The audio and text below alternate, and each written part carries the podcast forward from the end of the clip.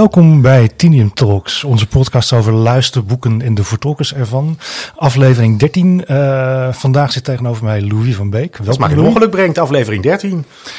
Uh, nou, het zullen we merken waar het, uh, Wel nee. waar het schip strandt. Um, Louis, ik ga het vandaag met je hebben over uh, Op het Geniale Af, de nieuwe roman van Benedict Wells. Ja. Uh, je bent net klaar met opnemen, volgens mij. Ja, klopt. Je hebt de opnames net afgerond. Uh, maar voordat we het uh, over dat boek gaan hebben, uh, wil ik even met je terug naar die vorige, Het Einde der Eenzaamheid. Het Einde van de Eenzaamheid, Het Einde ja. van de Eenzaamheid.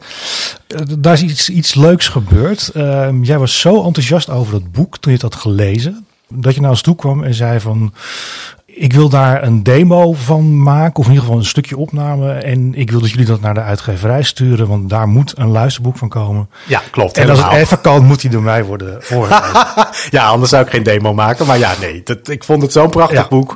Dat ik dacht, daar moet uh, inderdaad een luisterboek. En zoals Tini altijd zegt, uh, ieder boek uh, verdient een luisterboek. Ja. Dus, dat was bij dit boek helemaal het geval. Ja, nou zit uh, uitgeverij natuurlijk niet altijd te wachten op dat soort uh, goed bedoelde adviezen. nee. Maar het leuke was dat wel dus via de uitgeverij dat fragment van jou heel snel in huizen Benedict Wells terecht kwam. En dat hij zei van, uh, wauw, doen, ga je gang. Dit klinkt heel erg fijn. Ja, dat is natuurlijk Maak je alsjeblieft een luisterboek van. Ja.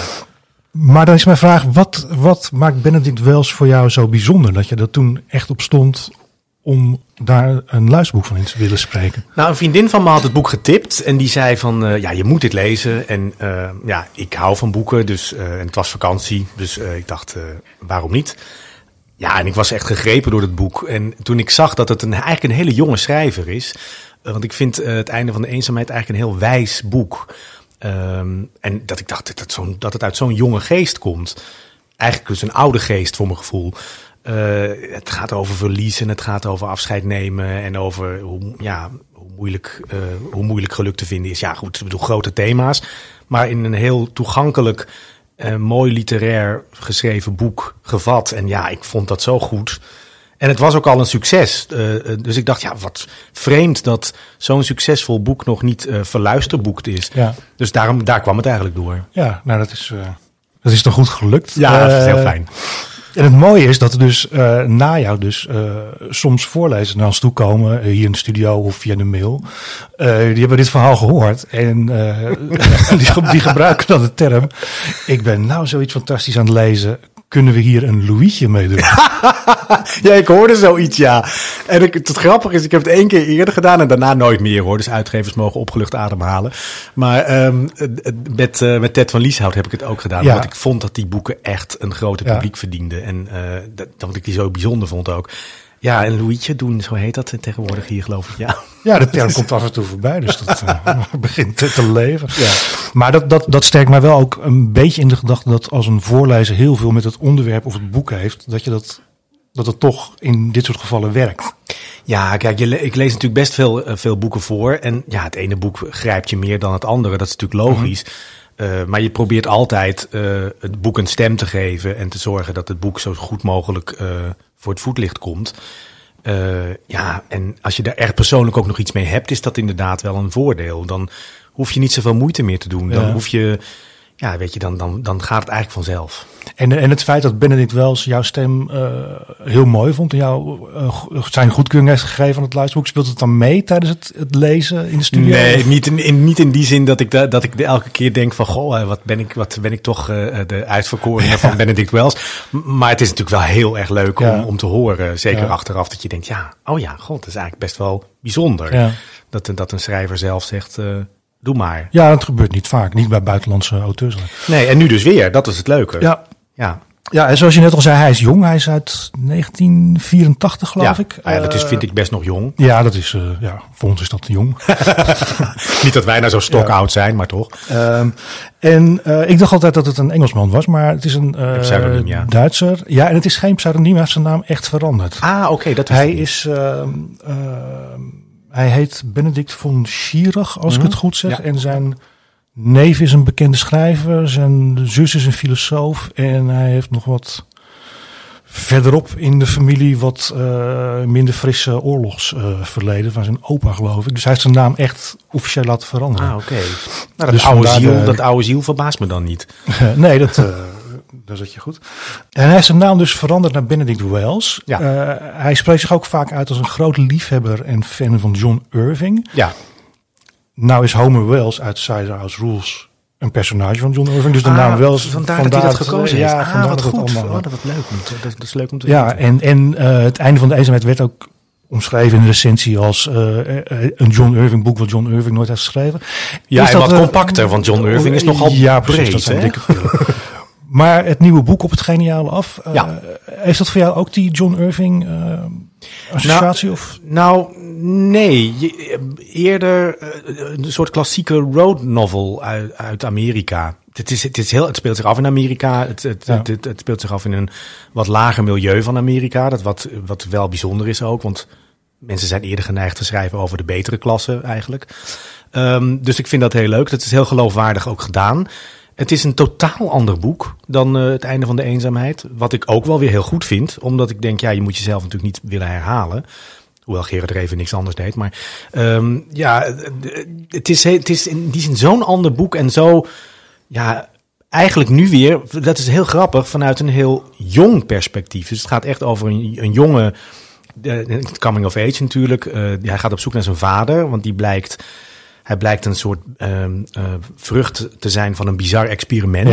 eh, waarbij zijn moeder, die een beter leven wilde, eh, meegedaan heeft aan een ehm, aan doneren van dat, dat geniale mannen hun sperma doneerden om zo een beter ras te creëren.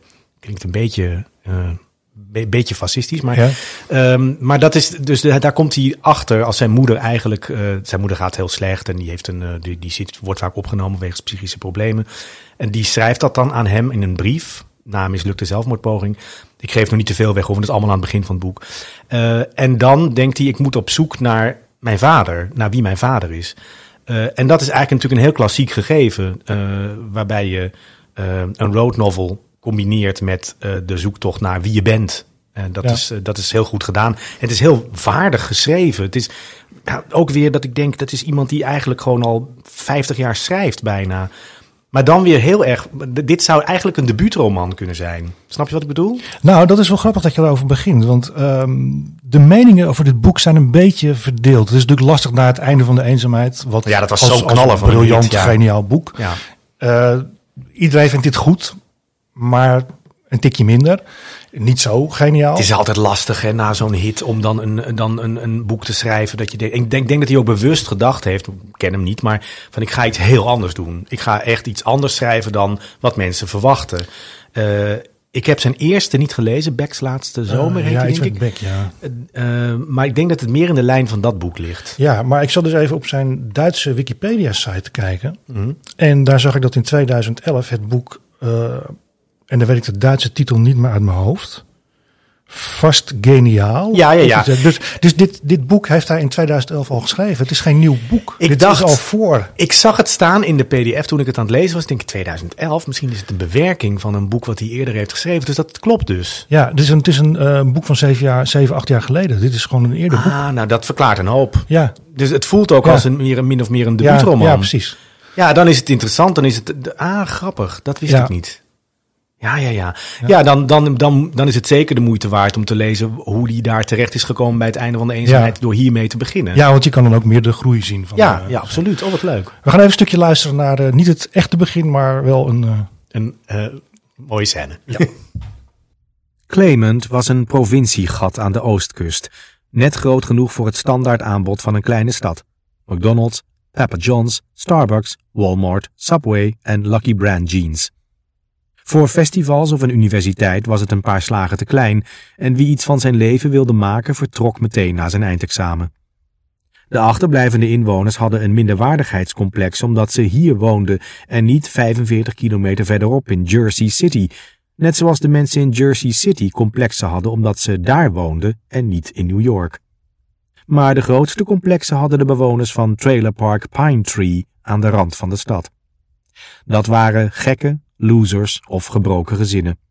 Zelfs de meeste kinderen maakten daar al een gestoorde indruk, met slecht geknipt haar, slechte tanden en de wezenloze gezichtsuitdrukking die je krijgt als het leven de onwetendheid op je gezicht heeft vastgeniet. Hier woonde Francis sinds 2,5 jaar met zijn moeder. Door haar ziekte was ze haar baan als secretaresse bij een makelaarskantoor kwijtgeraakt en kort daarna had zijn stiefvader bij een ongelukkige beursspeculatie bijna al zijn geld verloren. Van het beetje dat hij hun nog gaf, hadden ze de huur voor hun huis in het centrum niet meer kunnen betalen. Ze hadden nog een tijdje in een goedkoop motel gezeten en waren toen in een van de zeventig armoedige trailers aan de rand van Clement getrokken. Die uh, Walmart die doen we even over bij de correcties. Weet je dat alvast? Wat zei ik? Walmart? Walmart. Walmart, ja, ik doe iets te Amerikaans. Ja, zo'n de eenzaamheid op je gezicht vastgeniet. Het zit helemaal mooie Het zijn mooie. Het is een mooi plaatje wat meteen geschetst Ja. wordt. Hè? Je weet, uh... En dat milieu, weet je, er is die armoede in Amerika is natuurlijk zo groot. En trouwens niet in alleen in Amerika, maar. En ja, dat, dat realiseer je vaak niet hoe goed je het hebt. En dat is dan wel weer mooi dat, uh, dat het zich in zo'n milieu afspeelt. Ja, en dat een zo'n jonge schrijver uit Duitsland dit zo Ja. weet te, Ja, echt. op te tekenen. Ik ben benieuwd hoe dat boek in Amerika ontvangen zal worden. Als het daar uitgebracht wordt. Dus misschien is het goed om even in het oog te houden wat ermee gebeurt. Ja. Ehm, toen we het over dit boek hadden, toen uh, je had meteen een scène uit je, in je hoofd. Uh, oh ja, die, moest, die wil ik. Uh, ja, kijk, het is, het is wat ik zei. Het is natuurlijk ook heel erg een coming of age verhaal. en um, dat gevoel van toen je 16, 17 was en, en ja, alles nog moet ontdekken, ook op seksueel gebied. Dat, dat is je bent geneigd dat te vergeten. En hij beschrijft dat zo mooi, zo'n eerste keer met een meisje wat doet alsof ze heel ervaren is, maar wat later blijkt dat dat ook haar eerste keer was. Uh, en ja, snap je, dat, dat is zo, dat, dat, dat, dat lijkt dan ineens weer gisteren als je dat leest. Dat je, terwijl het, is voor iedereen natuurlijk niet herkenbaar, want niet iedereen wordt in een ziekenhuiskamer op een vleugel ontmaagd, zal ik maar zeggen. Want dat is deze scène, denk ik. Maar, um, maar toch is het zo. Um, ja, komt het heel dichtbij. En, en is, is die herinnering aan je eigen ervaringen, is dan heel, ja, dat, komt dan meteen bovendrijven. Ze gingen naar de muziekkamer aan het eind van de gang. En May beval hem op de vleugel te gaan liggen. Toen deed ze het licht uit. De kamer had geen ramen, dus het was meteen aardedonker. Francis lag op het harde hout en werd een beetje bang dat ze doordraaide en hem iets zou aandoen. Afwezig deed hij het deksel open en sloeg een paar toetsen aan. Ze moest lachen. Toen was het weer stil. Francis kreeg kippenvel en hoorde in het donker dat Anne May haar rok, shirt en onderbroek uittrok. Ze klom ook op de vleugel en hij voelde haar lijf en haar adem. Ze streek een paar keer haastig met haar ijskoude handen over zijn bovenlijf, maakte zijn riem los en trok zijn broek en daarna zijn bokser naar beneden. Ze kwam dichterbij en hij voelde haar borsten tegen zijn huid. Francis hoorde dat haar adem sneller ging en moest aan al die mannen denken met wie ze al naar bed was geweest. Alsjeblieft, lieve God, alsjeblieft, dacht hij, maak dat ik het niet meteen verpest. Mooi fragment. Ja. Uh, is het moeilijker om. Uh, nee, laat ik het zo zeggen. Is dit, uh, zijn dit soort scènes, dit soort teksten, zijn die makkelijker voor te lezen omdat ze, omdat ze goed geschreven zijn? Of zijn ze toch. Ja, dat, dat is de crux, ja. Als, als kijk. Seksscènes zijn altijd lastiger, net als als, ja. je, als je aan het filmen bent. Dat is altijd een ding. Maar als het goed geschreven is, als het organisch geschreven is, als, je, als het van, allemaal vanzelf spreekt en als het gewoon ja, mooi geschreven is, dan, dan, dan is het helemaal niet erg. Dan, is, dan, dan, dan voegt het ook echt iets toe. In dit geval ook. Dit is zo'n belangrijk moment in het leven van die jongen. Want vanaf hier wordt hij, stra hij, wordt straal verliefd op haar en zij niet op hem. Ja. Dus, dat, dus dat is zo essentieel voor het verhaal. Ja. Dat, uh, terwijl ze gaat wel mee op die roadtrip. Uh, en dus er zit een hele tijd een spanningsveld van ja, ik ga het toch proberen, ik ga het toch proberen. Ja, en hoe dat dan afloopt, dat moeten mensen dan maar luisteren. Ja. Kunnen we concluderen dat het boek niet zo briljant en geniaal is als het einde van de eenzaamheid, maar wel gewoon een heel erg goed, mooi boek? Ja, ik vind het altijd flauw in die zin uh, om boeken te, te, vergelijken, zelfs van, van dezelfde schrijver. Het is gewoon een mooi boek. Het is, het is, ja, het is anders. Als je een liefhebber bent van, van zijn stijl, dan kom je absoluut aan je trekken. Dus het is gewoon, ja, het is gewoon een heel fijn boek. Okay. Fijn zomerboek. Op het geniale af van Benedict Wells. Het boek is inmiddels uh, verschenen uh, bij uitgeverij Meulhof. Het luisterboek is over een week of drie, denk ik, uh, te beluisteren bij de bekende plekken. Ja, wat nog zo grappig is, het boek heet in Duits vast geniaal, hè? Nou, dat, ja, zo'n soort, in ieder geval ja. met het woord geniaal. Ja, ja, ja dat, dat had ik er wel opgezocht. Dus wat eigenlijk letterlijk betekent bijna geniaal. Ja. Maar op de titel in het Nederlands is eigenlijk dubbelzinniger. Op het geniale af betekent ja bijna geniaal, inderdaad. Ja. Maar hij gaat ook op het geniale af. Op het hij, gaat daar, hij gaat op zijn vader af. Dus dat vond ik eigenlijk heel goed bedacht van de vertaler. Dat Nou, dan, oh dan, ja, dat is dan, wel, mogen de, dan mogen de vertaler wel even noemen. Dat is eh, Gerda Baartman. Die Ja, heeft de vorige ook vertaald. En dat is volgens Ja, mij... prachtig eh, gedaan. Heel goed gedaan. Ja. Oké, Louis, dankjewel voor deze aflevering van Tinium Talks, aflevering 13. Ging goed hè voor aflevering 13.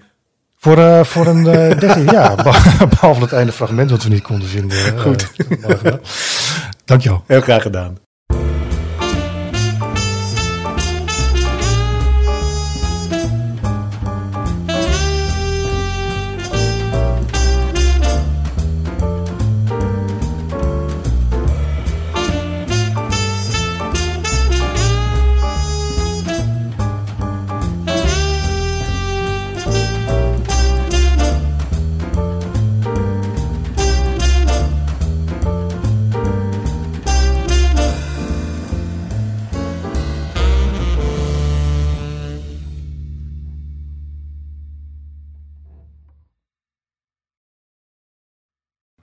Wat zei je? Als, als je mij niet tegenhoudt, lul ik vijf kwartier in een uur.